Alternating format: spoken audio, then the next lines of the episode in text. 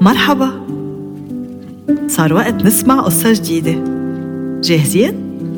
حضرنا لكم قصة كتير حلوة لليوم. حضروا حالكم.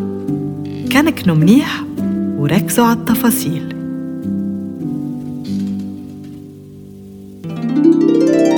قصة النملة والزيز.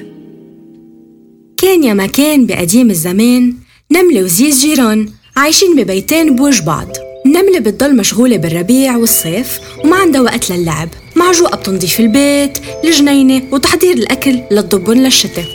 الزيز ما بيفكر هيك. بيقضي وقته كله عم ياكل ويرقص ويغني ويتفرج على الناس عم تقطع. مثل كل يوم تطلع النملة من البيت لتجمع الأكل وتحمله على البيت لتحافظ عليه لأيام السقعة بس يبطل فيها تظهر. وأكيد زيز ما بيفكر هيك. همه يملي بطنه ويرقص. بلا ما يحسب حساب بكرة. ما تقولوا عنه غير كسلان ما عنده وقت إلا يتساءل عن النملة ويقلها.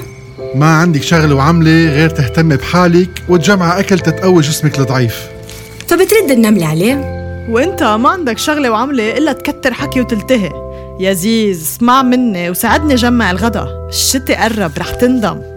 إجا الشتاء والنملة قاعدة ببيتها نظيف ودافئ وصار يقوى الشتاء وبلشت تتلج وهزيز قاعد ببيته المجوي عم يرجف من السقعة وسنانه طقطقت من البرد وبطنه عم بكركر من الجوع. وكل ما جاع وسقع زيادة كل ما بلش يندم إنه ما اشتغل بالصيف وما سمع نصيحة النملة. فقرر يروح لعندها بركة تقبل تساعده. دق الباب فتحت له النملة وسألته شو بده جاي لعندها بهالوقت. فبقلها على صوت واطي. أنا ندمان ما أخذت بنصيحتك؟ فيك تساعديني؟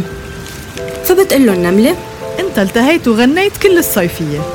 برافو يلا روح ارقص هلا. وهيدي حكايتي حكيتها وبعبكن خبيتها. انطرونا بقصة جديدة.